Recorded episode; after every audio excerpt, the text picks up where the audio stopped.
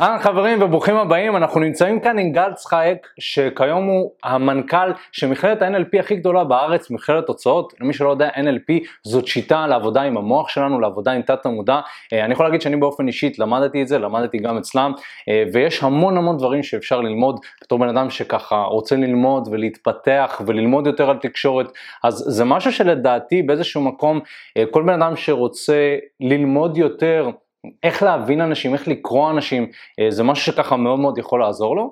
אה, והיום מה שאנחנו הולכים לעשות, אנחנו הולכים לדבר על נושא מאוד מאוד מעניין, אנחנו הולכים לדבר על איך תת המודע, נכון? שזה מאוד מאוד קשור גם למקצוע של גל, קשור בהקשר של הצלחה עם נשים. זאת אומרת, איך אנחנו מצד אחד יכולים לראות סימנים שתת המודע מונע מאיתנו להגיע לזוגיות שאנחנו רוצים, ומצד שני, איך אפשר לתכנת בכלל את המוח שלנו כדי להגיע למקום הזה שאנחנו בוחרים בחורה שהיא נכונה והיא מדויקת לנו. אז גל, אני יכול לומר שבאיזשהו מקום לדעתי אמ, אתה סוג של מומחה לתקשורת, זאת אומרת שאתה מבין את הדינמיקה, שאתה יכול להסתכל על שתי אנשים שמדברים או על קבוצה, אתה יכול ממש לראות ולנתח כאילו מה עובר להם בראש, אה, ואני חושב שבאיזשהו מקום זה משהו שמאוד ככה מעניין את הקהל שלנו, להבין קצת את העומק, אה, וזה מה שאנחנו הולכים לעשות היום. אז אולי ככה אם תוכל להגיד מהניסיון שלך, אמ, כמה זה באמת עוזר להבין את תת המודע כשאנחנו מדברים על תקשורת, במיוחד לצורך העניין בין גבר לאישה. אז לא רק שאני אענה לך על זה, אני גם אגיד לך אופק, שבכלל הסיבה שאני, הראשונית, שלשמה אני נכנסתי לתחום הזה של התפתחות אישית ושל NLP, זה בגלל שבתור נער אני הייתי מאוד מאוד מאוד שקט, ביישן, חסר ביטחון. אני ממש זוכר איזה רגע ב... בחטיבת ביניים, שאני הגעתי לבית של סבתא שלי באילת, אני עומד מול המראה, מסתכל במראה ואני אומר, גל, אתה מכוער, אתה נראה כמו ילדה, בחיים אף אחת, בחיים לא תרצה להיות איתך. אם אתה תשנה כל אספקט בחיים שלך, תהיה בן אדם אחר לגמרי, יש מצב שיום אחד תהיה לך ידידה. ו, ומתוך המקום הזה של ההבנה של עד כמה לא הייתי שלם ומחובר לעצמי, בכלל נכנסתי לעולם הזה של ללמוד פסיכולוגיה, קודם כל בכלל בתור עצמי, אני בחיים לא חשבתי שאני אלמד את זה, אני בחיים לא חשבתי שאני אעסוק בזה, לא חשבתי שאני אעבוד בזה, רק רציתי לעשות איזשהו תהליך עם עצמי, כדי קודם כל להשיג אה, אה, תוצאות לבד. זה אחת הסיבות שכאילו אני מאוד מאוד מאוד נהנה לראות את העבודה שלכם, לראות מה אתם עושים, גם באופן יחסי לפייסבוק, אני לא פעיל בפייסבוק, אבל אני משתדל פעם בכמה זמן גם להגיב לכם בקבוצה, כי אני חושב שאתם נותנים שם המון ערך, ואני, ואני זוכר שכשאני הייתי לפני עשר שנים או יותר אפילו חמש עשרה שנה, אה, היה שם אנשים אה, שעשו בשבילי את מה שאתם עושים עבור אנשים והדבר הזה היה מאוד מאוד משמעותי עבורי, זה היה מבחינתי אה, אבן דרך. אני חושב שמה שאתם עושים היום ובתקופה הזאת עבור אנשים זה בתור התחלה יכול לעזור להם לעבור את המכשולים ואת החסמים שיש להם מול נשים או מול המין השני או אפילו אותו מין או whatever, כל תקשורת זוגית שהיא. אבל מעבר לזה, אחר כך, מי שעושה את העבודת עומק כמו שאתם עושים, מי שעושה את זה טוב כמו שאתם עושים, אחר כך זה פותח פתח לעוד הרבה מקומות. אני בחיים לא הייתי מאמין שהייתי יכול להיות אה, איש עסקים שיש לו עכשיו אה, חמש חברות, אה, לא הייתי מאמין שחברה שאני אקים יהיה בה עשרות עובדים, שתגיע לעשרות אלפי לקוחות ותעשה שמונה ספרות בשנה. לא הייתי מאמין שהדברים האלה אפשריים עבור מישהו כמוני, הייתי בטוח שאני אצטרך להיות מול מחשב, אה, מתכנת או משהו כזה כל החיים שלי, לא שזה דבר רע, אבל זה פשוט לא מה שהתאים לי, ועבורי זה היה צריך להיות חוסר ברירה. אה, וזה בעצם מה שהייתי רוצה שנשים על המרכז היום. איך אנחנו הופכים להיות אנשים עוצמתיים יותר, חופשיים יותר ו- ומדויקים יותר כשזה נוגע לאחד, תקשורת עם הצד השני, ושתיים, להבין את עצמי טוב יותר, כי בסופו של דבר, ברגע שאני מבין שתת המודע שלי משפיע עליי ותת המודע של הצד השני משפיע עליו, אז ככל שאני לומד על הדבר הזה יותר לעומק, אני נהיה גם יותר טוב מול עצמי וגם בהשפעה מול מישהו אחר. לגמרי. קודם כל, באמת מרשים התהליך שעברת ומי שנהיית היום, ואני יכול להגיד שגם בעצמי, אני בתור בן אדם שהיה רואה את הסרטונים האלה פעם, של גברים ניגשים ומדברים עם נשים, אז כאילו אני מסתכל על זה מהצד, זה היה נראה לי כמו קסם כזה, כאילו מה, איך הוא עושה, איך הוא ניגש, ואני בכלל לא מאמין שהדבר הזה הוא אפשרי, אז אם אנחנו מדברים בכלל על תת המודע, הרי שתת המודע מנהל אותנו ביום יום שלנו, אבל רוב הגברים הם לא מודעים להשפעות של תת המודע על החיים שלנו, ואני יכול להגיד ש... גם אני כשנחשפתי לתחום הזה כן באיזשהו מקום עשיתי התפתחות אישית, כן למדתי קצת על תת המודע, אבל ברגע שהעמקתי בזה יותר, הבנתי כמה זה באמת מנהל אותי, אה, ועם הזמן יכלתי לזהות, ככה אצל האנשים שאני עובד איתם, נקודות מסוימות שוואלה אוקיי, פה מצאתי איזושהי אמונה מגבילה, פה מצאתי איזשהו דפוס מסוים שמנהל את הבן אדם ומונע ממנו לגשת לנשים או להתחבר עם נשים או להיפתח, אה, ואני חושב שברגע שאתה מבין מבין את זה, אתה יכול ממש ממש ככה לגעת בנקודה עצמה, אה, במקום לתת לו עוד טכניקות ורוטינות, אתה יודע, פעם הרי התחום הזה היה מושתת על אה, רוטינות ותעשה ככה וזה, והבעיה עם רוטינות שבסופו של דבר זה לא יוצר שינוי מבפנים, וגם אם כן זה... זה הרבה יותר גרוע קצת. מזה. אם אתה נשען יותר מדי על דברים חיצוניים, ואנחנו נדבר גם uh, בהמשך על זה שלפעמים צריך את הדברים החיצוניים האלה במידה מסוימת, אבל אם אתה נשען עליהם יותר מדי, הדבר הזה רק הורס לך את הביטחון העצמי עוד יותר. כי באיזשהו שלב אתה מגלה שזה מצליח. הטכניקות האלה עובדות, יש טכניקות השפעה ושכנוע שפשוט עובדות, ואם אתה תשתמש בהן זה יעבוד לך. מה הבעיה? שבסוף אתה תישאר בודד. כי אתה תרגיש שהצד השני אוהב מישהו, באמת, אבל הוא לא באמת אוהב אותך. ובהקשר הזה הוא אוהב את המסכה, את ההצגה, את הדבר הזה שהוא המניפולציה שהצלחת לעשות. ובהקשר הזה של, של החסמים בתת המודע, אני יכול לספר סיפור מאוד מאוד קצר. הבחורה שיצאתי את המערכת היחסים המשמעותית האחרונה שהייתה לי לפני שהתחתנתי, אה, הייתה עם אה, מישהי שהיינו ביחד אה, כמעט שנתיים. ובאותה תקופה כבר התחלתי לעשות סדנאות והרצאות והתחלתי לעבוד בתור עושה טיפולים של אחד על אחד. ומסיבות כאלה או אחרות, לא ניכנס לזה, הגיעו אליי לקליניקה בחודשים שלפני הפרידה, אני חושב שבע, שמונה או עשר מקרים, ממש בקטע של חודשיים, של נשים שעברו טראומות מיניות כאלה ואחרות, אוקיי? ואז הבת זוג שלי נפרדה ממני. ואני זוכר שבאותה תקופה פתאום, אחרי שכבר עברתי איזשהו תהליך עם עצמי, אחרי שכבר ידעתי לדבר עם נשים או אנשים באופן כללי, פתאום מצאתי את עצמי לא מעוניין לגשת לדבר עם נשים, וכשהן היו מתחילות איתי אפילו, או רוצות ליצור איתי סיטואציות, אה, נגיד ברגע שזה נהיה טיפה יותר מדי אינטימי, פתאום שמתי לב שאני עושה כל מיני פעולות שמרחיקות את זה. בגלל שהיה לי כבר את המודעות ואת ההבנה, קלטתי שהרעיון הזה של הטראומות ששמעתי עליהן בקליניקה וכל הדברים האלה, גרמו לי פשוט ממש לפחד. פחדתי להיות במקום שאני לא בכוונה ולא במתכוון חס וחלילה, יוצר למישהי תחושה לא נעימה בהקשר אינטימי. האמונה הזאת, הפחד הזה שנוצר בכלל בלי קשר אליי, אלא מתוך דברים אחרים ששמעתי שחיצוניים ממני, מנעו ממני לפעול. אני חושב שהיום אה, יש את, הנושא הזה גם של המיטו וכל הדבר הזה, יש להמון המון המון גברים את הפחדים מהסוג הזה, יש להם גם פחדים אחרים שתמיד היו, כמו אה, מה יקרה אם אני אתחיל עם מישהי בעבודה או בלימודים ואז מה כולם יחשבו עליי כשהיא תגיד לי לא, יש להם את כל הפחדים האלה והבעיות האלה שאני חושב שתמיד תמיד תמיד היו, ועליהם נוספו עוד פחדים ועוד חסמים ועוד אה, דברים שקשורים לעידן של הכאן ועכשיו. העניין הוא שכל עוד אני לא מצליח להבין לעומק איפה החוסר ביטחון עצמי שלי יושב, איפה הדברים האלה בתת המודע מנהלים אותי, זה כאילו אני מנסה ללכת לאיזושהי תחרות או לאיזשהו אה, משהו עם הידיים שלי קשורות מאחורי הגב. משהו במוח שלי מאחורה כל הזמן ימשוך אותי אחורה. אנשים אומרים, אה, אני רוצה ללכת לדבר איתה אבל אני לא מצליח, כשמגיע הרגע האמיתי אני לא מצליח לעשות את הצעד, והם לא מבינים למה. והסיבה לזה זה שמצד אחד החלק הקדמי של המוח שלהם, חלק החכם, האינטליגנטי, זה שמבין, יודע שהוא יהיה נחמד והכל טוב, הוא רוצה לה לגשת. אבל החלק האחורי, ההישרדותי, אומר לעצמו, רגע, אבל מה אם? מה אם יקרה זה? מה אם יקרה זה? מה אם יקרה זה? מה אם יקרה זה? והפחד הזה מושך אותנו אחורה. זה כמו שאנחנו יודעים שאנחנו רוצים לקום בחמש בבוקר לאימון, אבל אז אנחנו אומרים לעצמנו, לא, אבל קר, אבל uh, לא כדאי, אבל אני עייף. אז זה אותו דינמיקה בתוך המוח שלנו, שמצד אחד יש לנו חלק אחד שאומר אני רוצה להתקדם לעשות את הדברים שחשובים לי, שטובים לי, שיקדמו אותי, והחלק האחורי הזה שאומר רגע, אתה צריך להיזהר, אתה צריך לפחד, אמ, וככל שאנחנו נעבוד על דימוי עצמי גבוה יותר, ויש כל מיני כלים שאנחנו נדבר עליהם, אנחנו נדבר על איך לזהות את זה לפי מה שאמרת לי, אמ, אז אנחנו נוכל אה, אה, לגרום להתנגדות הזאת לרדת. Mm. נוכל להגיע למצב ש... כל החלקים במוח שלנו מיושרים. תחשבו על קבוצת כדורגל או כדורסל, שאחד רוצה שכולם יהיו בהגנה, אחד רוצה שכולם יהיו בהתקפה, אי אפשר לשחק ככה כדורגל. אה, אם כולם הולכים במטרה אחת משותפת, אז הסיכוי של הניצחון הוא הרבה יותר גבוה. זה לא אומר שכל מה שנרצה יקרה, אבל זה אומר שהסטטיסטיקה שלנו תהיה הרבה יותר טובה. זה אומר שגם ההרגשה שלנו תהיה של flow, של דברים שיקרו לאן שאנחנו רוצים. אה, אז אה, קצת לדמיין שכל אחד מאיתנו הוא כמו קבוצה. הוא קבוצה של הרבה מחשבות והרבה דעות, נכון? כשאתם עצובים או כועסים או מבואסים או שמחים, יש לכם מחשבות שונות לגמרי, וזה בגלל שבתוך כל אחד ואחת מאיתנו יש חלקים שונים בתוך תת המודע שתופסים דברים אחרת. לגמרי. קודם כל אה, מאוד מעניין באמת להסתכל עלינו כמו קבוצה, ואני חושב שגם בהקשר הזה אז אנחנו מבינים ממה שאמרת שיש תפקיד משמעותי לאמונות שלנו, לתת המודע, באיך שאנחנו מתנהלים מבחינת זוגיות. אני יכול להגיד לך שהרבה אנשים והרבה גברים הם מתקשים בכלל בשלב הראשוני, אתה יודע, אנחנו מדברים על זוגיות, כמובן שזה מאוד מאוד חשוב, אבל הם אפילו מתקשים בשלב הראשוני, שזה לגשת לבחורה, אז בכלל כל האמונות המקבילות וכל הדברים האלה שצפים להם מהילדות, שפעם אולי הם אה, דיברו עם מישהי בחטיבה והיא אמרה להם לא, אז פתאום הכל צף להם, אה, וזה קורה כשאתה רוצה לגשת בזמן אמת אה, לבחורה, ואני יכול להגיד שזה משהו מאוד מאוד קשה, אתה יודע, אני, לי זה היה, באופן אישי, זה היה הדבר הכי קשה שעשיתי כל החיים שלי, לבוא ולגשת לבחורה, זו מבחינתי ההתגברות האולטימטיבית של גבר באיזשהו מקום.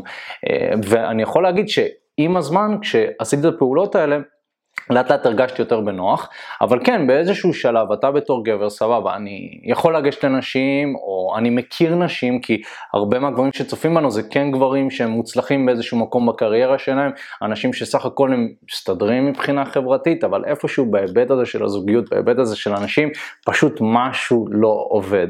והמשהו הזה, זה הרבה פעמים דברים שהם לא מודעים אליהם.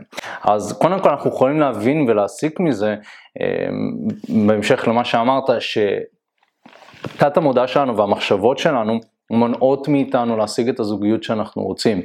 אמ, אז אם הבנו את זה, אני חושב שהרבה גברים ככה ישמחו לדעת אמ, איך אפשר לזהות את זה קודם כל, את, העניין הזה שאוקיי, עכשיו זה תת המודע שלי מנע ממני להיכנס לזוגיות הזאת, הנה כמו שאמרת, שבאמת צפו לך כמה מקרים בקליניקה ופתאום אה, אה, זאתי נפרדה ממך, אז כאילו איך אנחנו יכולים לזהות את זה כשאנחנו מדברים עם בחורה? אז אני אתן לכם שלושה רבדים מרכזיים של הסתכלות, אה, מה בדרך כלל קל ביותר עד הטיפה יותר מורכב, אבל כל אחד עם, גם עם הרמה של איפה שהוא נמצא, אני חושב יוכל למצוא בזה איזשהו כלי מאוד משמעותי.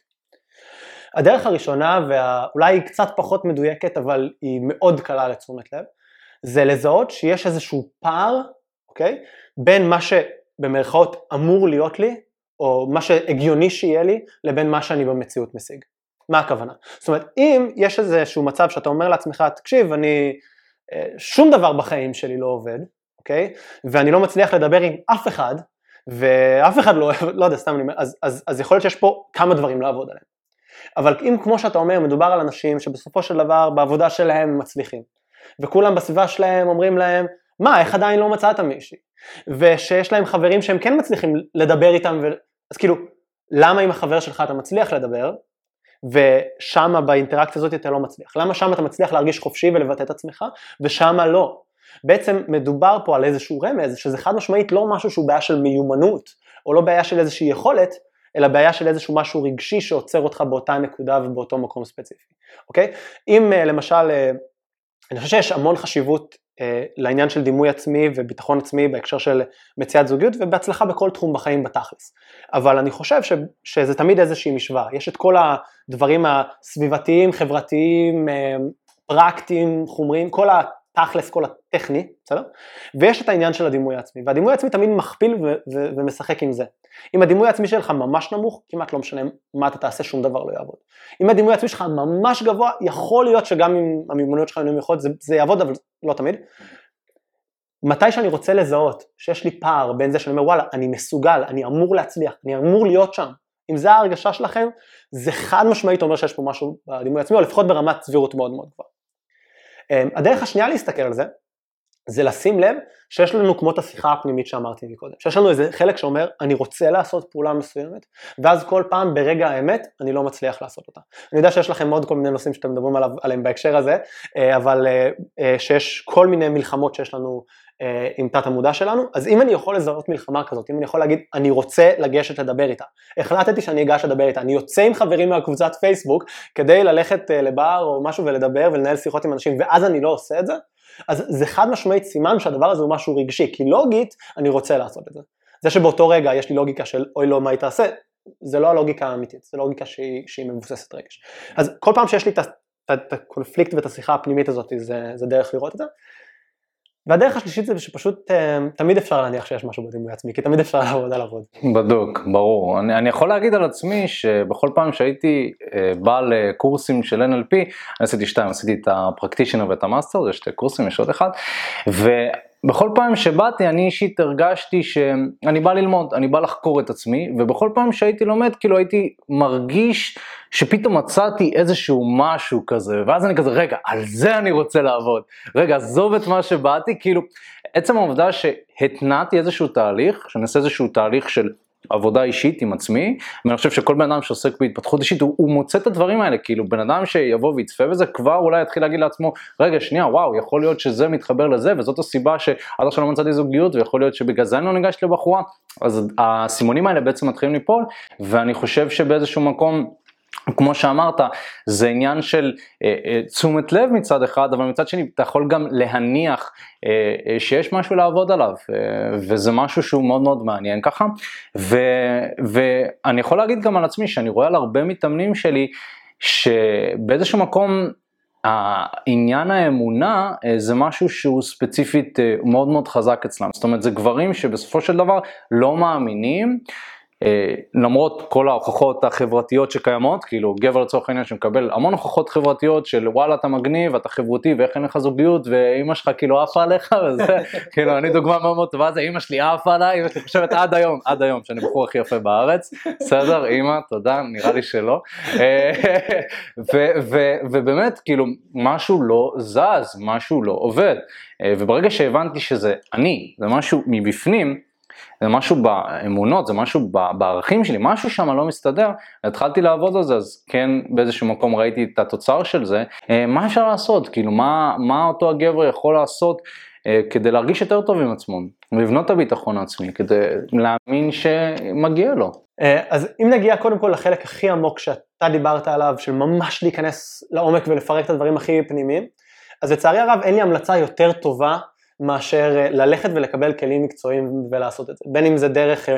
מאמנים אה, כמו דברים שאתם עושים, או דרך קורסים ב-NLP, או דרך סדנאות של התפתחות אישית, מוזמנים לבוא ללמוד אצלנו כמובן, או בכל דרך אחרת, אבל פה אם אין לך את הכלים האמיתיים לעשות את העבודה הזאת ברמה הזאתי, אתה פשוט לא יכול לעשות את זה לבד, זה פשוט לא עובד כך. מצד שני יש כן כלים ברמה מאוד מאוד טובה, שחד משמעית אפשר לעשות, גם רק על ידי צפייה בסרטון הזה.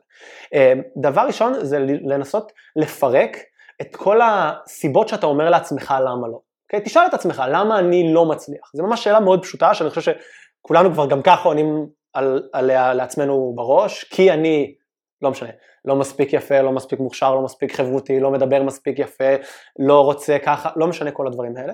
ובאמת, בצורה כנה ואמיתית, לא לנסות לברוח מזה. אני חושב שרוב האנשים מפחדים מהמקום הזה של להסתכל למילים השליליות האלה בפנים, כי זה יוריד אותם או משהו כזה. תסמכו על עצמכם שאתם לא כל כך שבירים, שאתם לא עשויים מסוכר ואתם לא תמסו מהגשם.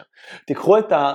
דברים הכי רעים שאתם אומרים לעצמכם על עצמכם בראש ושימו אותם על דף נייר, תסתכלו על זה לרגע, תתנו לעצמכם להגיד לעצמכם את האמת, זה מה שאני חושב על עצמי לפחות חלק מהזמן, מן הסתם לא כל הזמן, ותפרקו את מה זה אומר, למה אתם חושבים את זה, מה אתם שמים לב לזה, ותתחילו לפרק את הדברים האלה. מתוך הפירוק של האמונות האלה בצורה מאוד פשוטה אפילו, לא צריך כלים סופר מסובכים, אתם תגלו שמה שיש הרבה הרבה דברים שהם לא נכונים, ומה שכן נכון, אפשר להתחיל לשנות אותו, אוקיי? אם אתם חושבים למשל שאתם משעממים, אז אחד הדברים הבאמת טובים שאפשר לעשות זה להפוך את החיים שלכם למעניינים יותר, אוקיי? אם אתם אה, באמת חושבים שאתם אה, לא מספיק חברותיים, אז אחד הדברים שאתם באמת יכולים לעשות זה למצוא חברויות ולתרגל חברויות בסביבה קלה יותר. אני חושב ש... אה, וזה אחד הדברים הכי שהשפיעו עליי בהקשר הזה, זה ש... לפני משהו כמו עשר שנים הייתי במקום של סדנאות שזה כאילו כמעט קאט, בסדר? הם, הם סגרו את הסניף שלהם בארץ לשמחת צערי, לא משנה, אבל מקום שהוא ממש כמעט קאט. ועשיתי שם כמה סדנאות והגעתי למצב שאני מאמן שם, וביחד איתי אחד המאמנים היה בן אדם שעבר תהליכים אישיים עמוקים מאוד מאוד מאוד חזקים, זה מה שעשו שם, ממש ניקוי פנימי מאוד חזק. ואחרי כל הניקוי הזה, אחד המקומות האחרונים שעוד ממש הרגיש תקוע בו זה ההקשר של זוגיות. והוא היה מגיע כל שבוע, אנחנו בתור מאמנים גם היינו עוברים אימון, ומספר על כמה זה לא מצליח לו. עכשיו בגלל שהוא עבד כל כך חזק על הביטחון והדימוי העצמי שלו, אז הוא היה מגיע עם חיוך ואומר למישהי, את רוצה לצאת איתי? את רוצה לצאת איתי? את רוצה... והוא היה יוצא כמה וכמה כאלה כל שבוע, כי זה היה המשימה של המאמנת שלו. מה הבעיה? שאף אחד לא הסתכל עליו ואמר לו, תקשיב, אם אתה מדבר את איך שאתה מדבר, אם אתה נראה את איך שאתה נראה, אתה פשוט, סליחה שאני אומר, לא אטרקטיבי. אוקיי? וחסר לך את הכלים הפרקטיים, האמיתיים, ה- איך, לא יודע מה, איך לנהל שיחה, איך לדבר, ווואלה, כאילו אני הייתי, אה, בגלל שלי היה אוטו ולא היה אוטו, הייתי נוסע אותו הרבה פעמים הביתה אחרי המפגשים שלנו שמה, ולא בקטע רע, אני מאוד אהבתי את הבן אדם הזה, כי משהו ברמת הערכים וההרגשה היה לי מאוד כיף איתו. לא נהניתי לדבר איתו, פשוט כי היה מאוד קשה לדבר איתו. אז מה שאני בא להגיד לכם זה שאם אתם רוצים לעבוד על הדימוי העצמי שלכם, חלק מהדברים שאתם אומרים לעצמכם זה באמת שטויות. חלק מהדברים שאתם אומרים לעצמכם שלי, השליליים האלה הם באמת חרטא, ואם אתם תפרקו את זה זה פשוט ייעלם. אבל חלק מהם הם לא חרטא, ואם אתם תנסו להמשיך להתעלם מזה זה לא יעבוד. הדרך הכי טובה לחזק את הביטחון העצמי ואת הדימוי העצמי שם, זה, זה לפרק את זה, להבין מה חרטא ומה לא חרטא, ומה שלא חרטא, באמת לעבוד על זה. איך לעבוד על זה? בצעדים קטנים ובסביבה תומכת. אותו בן אדם ישב והיה מדבר איתי עוד פעם ועוד פעם ועוד פעם, אני מקווה שהשיחות שלנו בסוף היו יותר טובות מבהתחלה. ואם היה, הייתי המאמן שלו, לא הייתי המאמן שלו אז לא אמרתי לו מה לעשות, אבל אם הייתי המאמן שלו אז הייתי ממש מכווין אותו איך להפוך את, ה, את השיחה הזאת ליותר מעניינת, איך לשתף אותי בדברים שהם אחרים, אוקיי? ו, ואני חושב שזה דבר שני, להפריד בין מה חרטא למה לא חרטא. אה, ושם לעבוד, אוקיי? בסוף הרבה הרבה הרבה מהעבודה שלנו היא בפנים החוצה, זאת אומרת ממש לא יודע מה, לעשות אה, מדיטציות, אה, לעשות תהליכים, לעבוד עם מאמן, לעבוד עם אנשי מקצוע, לנתח את העומק של הדברים שלי וכל הדברים האלה, וחלק לא מבוטל מהדימוי, מהעבודה על הדימוי העצמי שלנו היא דווקא מבחוץ פנימה. היא מליצור חוויות חיוביות של הצלחה, היא מלהתקדם ולהצליח בדברים שאנחנו רוצים להצליח בהם, וזה מה שיגרום לנו להרגיש יותר טוב עם עצמנו אחר כך. אז מצד אחד לא לנסות להראות לעצמנו כאילו הכל בסדר, מצד שני לא להסתכל רק על הרע, להסתכל על הדברים כפי שהם. טוב, אז מה שאתה אומר בעצם זה שאנחנו צריכים ליצור איזשהו איזון בין רכישה של כלים פרקטיים, משהו שאפשר להשתמש בו, לבין עבוד, עבודה פנימית. אני חושב שהרבה מהאנשים ככה שצופים בתכנים שלנו, הם מאוד מאוד אוהבים את הכלים הפרקטיים, וגם אני, באיזשהו מקום, אתה יודע, אני ומיכאל הבטחנו לעצמנו שאנחנו לא נהיה עוד מהחברות האלה שרק מדברות, ו mindset, ותבוא ותהיה פתוח וחברתי, כי באיזשהו מקום זה מה שאנחנו למדנו. אנחנו למדנו שאתה צריך להיות תלוי ב state שלך, ברגש, אה, וזה באיזשהו מקום סבבה, היינו משוגעים, היינו יוצאים החוצה והיינו עושים דברים, באמת, היה לנו המון המון אומץ, אבל מצד שני, לא ידענו מה לעשות, כאילו לא ידענו, אוקיי רגע תן לי איזה שהם שלבים מסוימים שאני צריך לעשות ו, ואני חושב שבאיזשהו מקום סוג של הרגלנו את הקהל שלנו לכלים וברגע שאנחנו עושים אה, תוכן מסוים שכאילו אין בו איזשהו כלי פרקטי אז באיזשהו מקום הקהל לפעמים טיפה מתבלבל, אז הוא אומר רגע אבל איפה ה-1, 2, 3 הזה שאני צריך לעשות. אני חושב שמה שהם לא מבינים זה שמה שאנחנו מדברים עכשיו, הדברים האלה זה הדבר הכי פרקטי שיש. כי אתה כבר יכול ליישם את זה ולקבל שינוי עצום בחיים שלך, גם לטווח הקצר וגם לטווח הארוך. עצם העובדה שאתה כבר מודע לזה, כי אתה יושב בבית וכזה, אה, יש לי אמונות מגבילות. אה, זה מה שמונע ממני להשיג את הסוגיות שאני, שאני רוצה. באיזשהו מקום זה כבר תהליך של שינוי עוצמתי מאוד. אני אגיד לך אפילו מעבר לזה אופק. אחד הכלים הכי פרקטיים שאני שמעתי גם בהקשר של אה, זוגיות ואחר כך גם במשא ומתן, אני חושב שיש הרבה דברים משותפים בין הדברים האלה, זה שבסוף אנשים אוהבים לשמוע את עצמם מדברים. אוקיי? בסופו של דבר, בתקופה הזאת אה, שבין אה, אה, האקסיט שלי לבין שהכרתי את אשתי, זו הייתה התקופה הכי, איך אני אגיד את זה במילים יפות, מגוונת מבחינה זוגית שהייתה לי בחיים, והיא הייתה תקופה מאוד, בהקשר הזוגי קלה, פשוטה, קלילה ונעימה. ובתקופה הזאת לא נאלץ אחד הדברים שהבנתי זה שאני לא צריך לדבר יותר מדי או לעשות יותר מדי. הייתי יושב עם מישהי בבר, אותו בר מסריח שהייתי קבוע, לוקח אותו, כי ברגע שאתה עושה הרבה אתה רוצה שזה יהיה בתוך איזשהו סיסטם, ופשוט הייתי שואל אותה, מה שלומך? וואו באמת, איזה יופי, ומה את אוהבת? ולמה זה טוב לך? וואי איזה יופי, באמת? ספרי לי עוד, אוקיי? והייתי מגיע למצב ש-90% מהזמן היא מדברת, ואז בסוף הדייט אומרת לי, וואו גל אתה הבן אדם הכי מעניין שאי פעם פגשתי, למרות שהיא כמעט לא יודעת עליי שום דבר, לא מתוך מקום שהסתרתי חס וחלילה, אלא מתוך מקום שבאמת הקשבתי והסתקרנתי והייתי שם איתה. אני חושב שמה שרוב האנשים עושים רוב הזמן במערכות יחסים עם אנשים אחרים, זה פשוט עושים דברים שתוקעים אותם, אוקיי? מה הכוונה? אם אני חושב שאני צריך יותר מדי כלים פרקטיים כדי לדבר עם הצד השני, שוב, צריך, שתינו מסכימים על זה חד משמעית, אבל אם אני חושב שאני צריך יותר מדי דברים פרקטיים, מה שבסופו של דבר קורה זה שהצד השני מדבר, ובראש אני רק חושב, רגע, אז מה אני עושה עכשיו, מה אני אומר עכשיו, לאן אני רוצה להגיע, איך אני מוביל את השיחה, איך אני עושה עוד 1, 2, 3, 4, וזה גורם לצד השני להרגיש שאני לא מקשיב לו. ואז אני שובר את האמינות.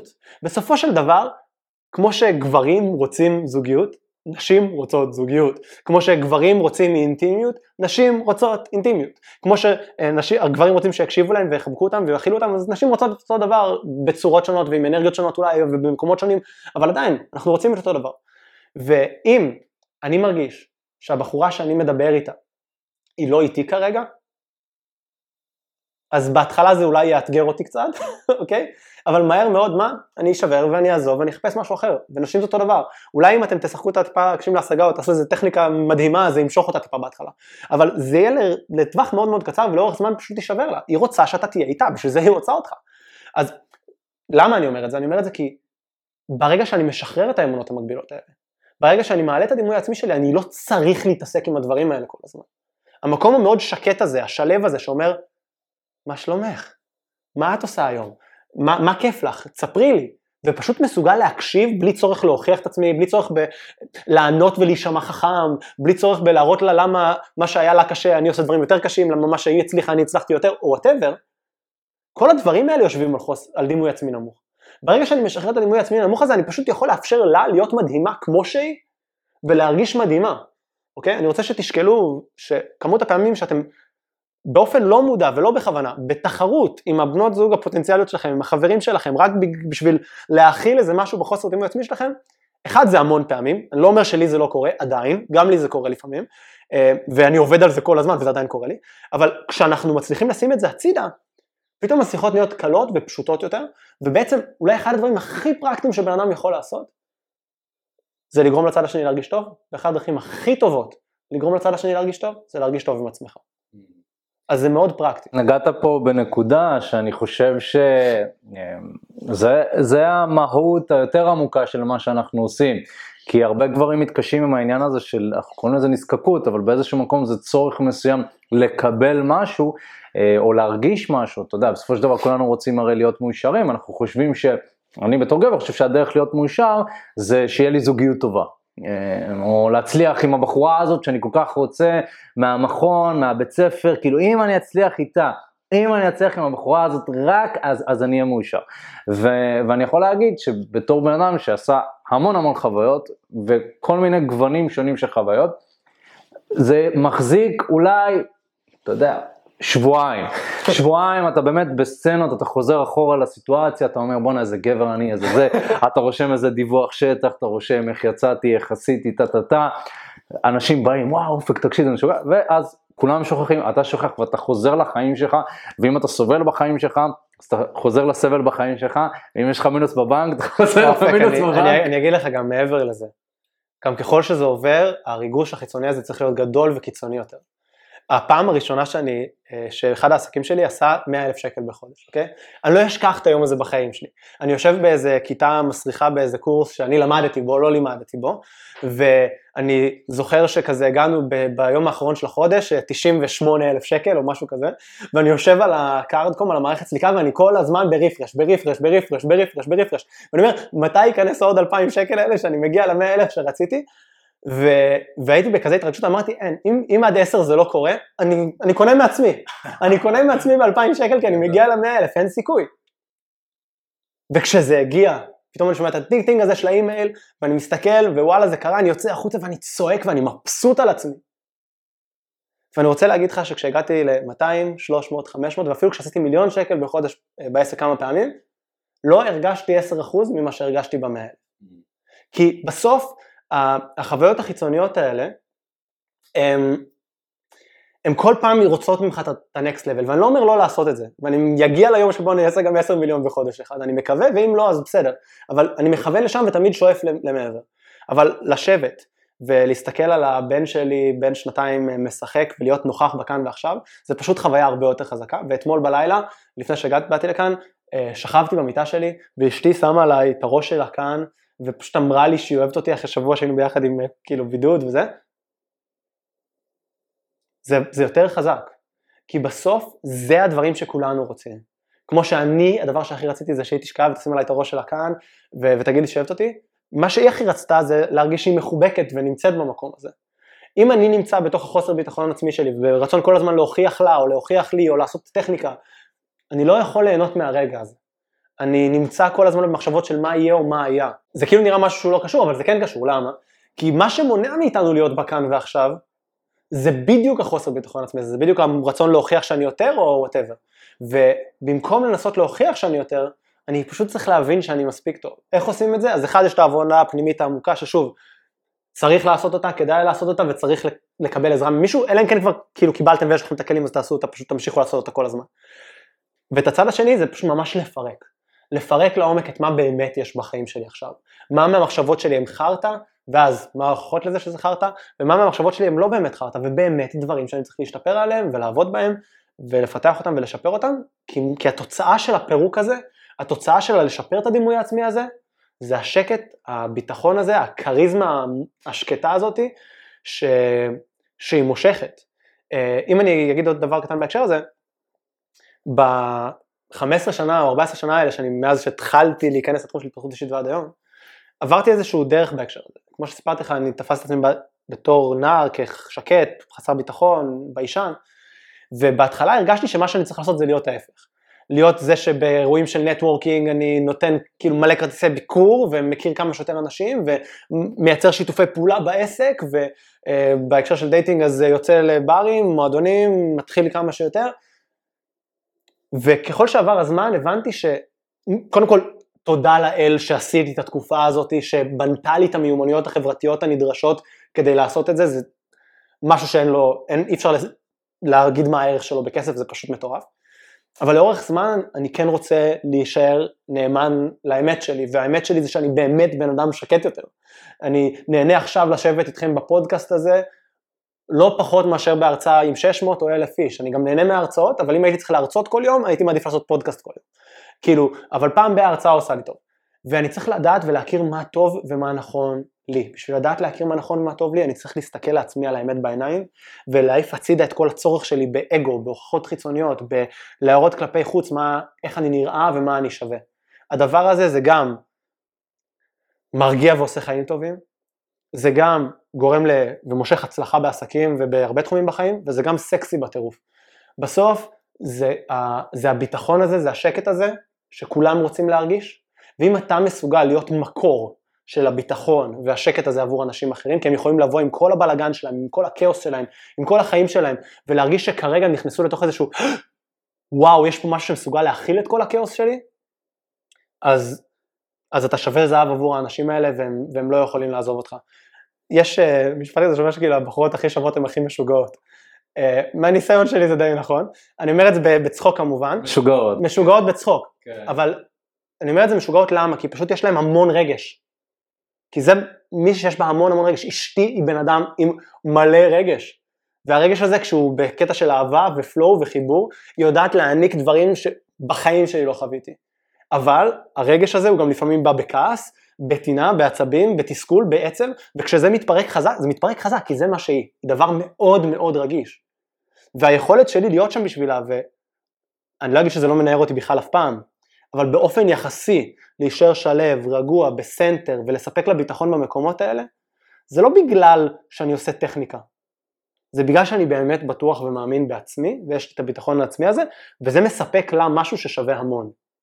ולדעתי אה, כל אחד במערכת יחסים צריך לשאוף לספק לצד השני כמה שיותר ואם אני חושב איך אני מספק לצד השני את זה שאני חתיך אז תמיד יהיה מישהו יותר חתיך ממני, ותמיד, אה, לא יודע מה, יהיה לי את המקומות שבהם אני לא חתיך, ואת הצדדים ואת הזוויות שאני לא יפה בהם, או חודשים או שזמנים שאני לא נראה טוב. אם זה כסף, אז אני תמיד אפחד לאבד את העבודה שלי, או תמיד יהיה מישהו שירוויח יותר כסף. אבל אם מה שאני מספק לצד השני זה אהבה, וזה ביטחון, וזה יציבות, מהמקום הרגשי, זה משהו שכמעט ואין לו תחליף. גם הכי קשה לספק אותו, כי זה אומר שאתה צריך לעשות עבודה פנימית עם קשה. עצמך, כדי להיות מוכן להכיל בן אדם אחר. ואני מאוד מזדהה לנקודה שאמרת, כי גם חברה שלי מאוד אמוציונלית, כשזה טוב זה מדהים, ואתה מקבל עוגות יוצאות לך מהתנור וחיבוקים וזה, וכשזה פחות, אה, פחות שם, אז אתה גם מרגיש את זה. אבל אני חושב שזה גם חלק מההתפתחות שלך בתור גבר, להיות מוכן להכיל סוגים שונים של נשים ואנשים, כי אין מה לעשות, לא כולם כמוך, וזה דווקא בסדר, כאילו, אני חושב שדווקא אם היינו מוצאים מישהי שבדיוק כמונו, אשתי אומרת שאני uh, כמו זברה שחור ולבן והיא חד קרן צבעוני, אז uh, היא מוסיפה לי את הצבע לחיים, בלעדיה החיים שלי לא, לא היו קרובים להיות. מדהים, מדהים. אז uh, גל, תשמע, ממש ממש תודה אחי, תודה, תודה שהגעת. אה, אני אשמח שתגיד ככה לאנשים מה הם צריכים לעשות כדי ליצור קשר עם אה, מכללת תוצאות, באמת למי שרוצה ללמוד קורס NLP, התפתחות אישית, מה, מה אפשר לעשות? קודם כל אם אתם רוצים להיכנס ממש למסלול לימודים של NLP, פשוט לחפש מכללת תוצאות בגוגל, אתם תמצאו גם המון חומרים שלנו, גם ביוטיוב וגם באתר, אתם תוכלו למצוא כל מה שאתם רוצים ולהירשם ללימודים. מעבר לזה, אתם יכולים למצוא את הפודקאסט שלנו, יוצרים תוצאות, שלי ביחד עם אה, שחר כהן, שנמצא ביוטיוב, ספוטיפיי וכל מקום, או לחפש אותי באחת מהרשתות החברתיות, מה שאתם רוצים, גל צחייק, אני אשמח לראות אתכם. מדהים, אז אנחנו נזרוק גם אה, לינק כאן אה, בתיאור, אה, מה שתבחר, נזרוק כאן למטה, שיהיה להם קל יותר ככה לראות ולהירשם. היי, מה הולך? תודה רבה שהקשבת לפודקאסט. אם אתה רוצה לשמוע את התכנים הנוספים ברגע שהם יעלו, כל מה שאתה צריך לעשות זה להירשם לפודקאסט איפה שאתה לא צופה בזה, פשוט תלחץ על לעקוב, וככה אתה תראה את התכנים האלה כשהם עולים. מעבר לזה, אם אתה רוצה לעבוד איתנו בשיטת חמשת השלבים, אתה מוזמן להצטרף לשיחת ייעוץ חינמית לגמרי. איך נרשמים לשיחת הייעוץ הזאת? אתה לוחץ על הלינק שנמצא איפשהו באזור כאן, זה מעביר אותך לדף ששם אתה יכול להשאיר את הפרטים שלך, וגם אתה יכול לרשום תקשורת אמיתית בגוגל, והדף הראשון שתראה כנראה גם יפנה אותך לשם. ברגע שאתה משאיר את הפרטים, אחד מהאנשים שלנו ייצור איתך קשר, כדי להבין בדיוק איפה אתה נמצא מבחינת חיי ה dating שלך, לאן אתה רוצה להגיע, ומהו המסלול הכי נכון ומדויק בשבילך. ויאללה אחי, אנחנו נתראה בפעם הבאה, יאללה ביי.